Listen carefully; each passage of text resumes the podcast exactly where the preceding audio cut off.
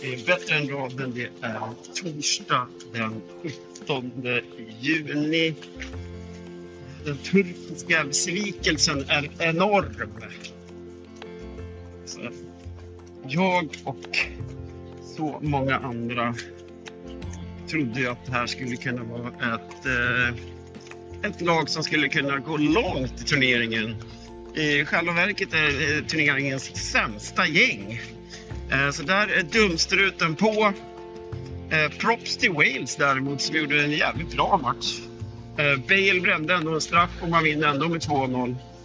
Eh, Ramsey var, var som i gamla fornstora dagar. Italien mosade ju eh, igår som sagt 3-0. Eh, även det resultatet jag hade i Mobile målskytt också. Så det var ju jättebra.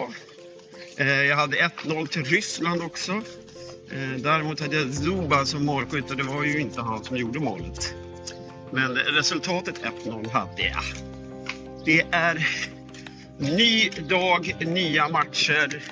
Det är mitt andra skrällag i turneringen, Ukraina, som höll på att ta poäng mot Nederländerna. Eh, idag är man stora favoriter här klockan tre mot Nordmakedonien. Eh, och eh, den här matchen måste de ju bara vinna. Eh, så jävla viktigt att de vinner här. Eh, för mig också. Eh, så jag tror på, på Ukraina.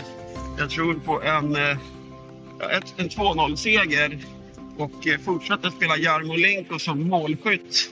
Eh, nu sjönk han ju rejält i odds till den här matchen efter hans kanonmål i matchen eh, senast. Vi har spelat honom som målskytt. Sen har vi Danmark som inte vet vad vi riktigt har. Antingen så spelar de ett livs bästa fotboll för Eriksen eller så blir det pancake av det hela. Eh, man ska ju ha med sig att de kommer ju sakna Eriksen i den här matchen. Det är inget snack om saken. Eh, lagets absolut bästa spelare.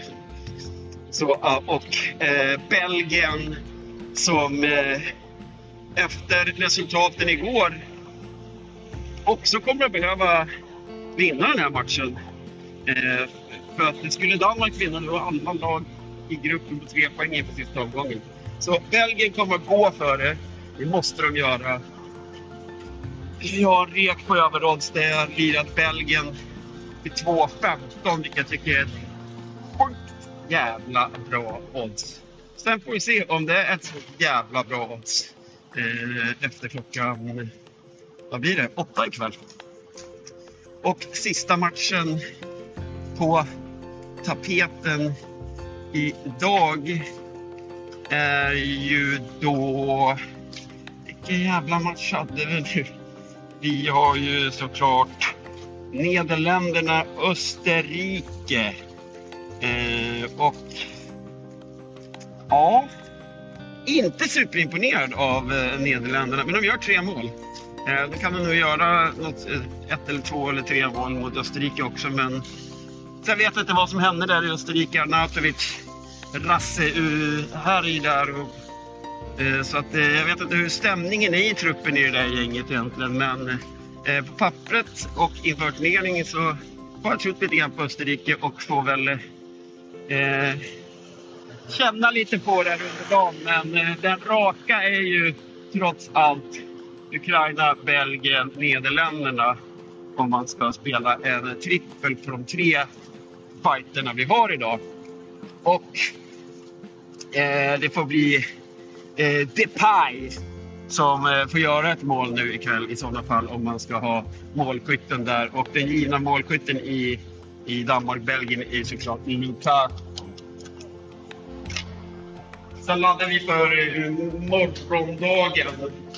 Och det verkligen smäller. Det är Sverige, Slovakien 3. Sen har vi England-Skottland också lite senare på kvällen. som kommer att bli en riktig jävla holmgång om jag får rätt. Så det och, och eh, jo, Eh, en liten hästrapport också. Ivory har landat i Sundsvall, är där uppe, resan har gått bra, äter bra. Eh, stannar i Sundsvall tills han ska åka upp till eh, Boden för att springa klockan 21.35 avdelning 6 på V75 och bara sträckad på 9 eh, Spår 7 är knivigt men procenten extremt tilltalande i en jackpot-omgång. Och eh, man åker inte 137 mil för att titta på midnattssolen. Inte som mest. Ha det bra!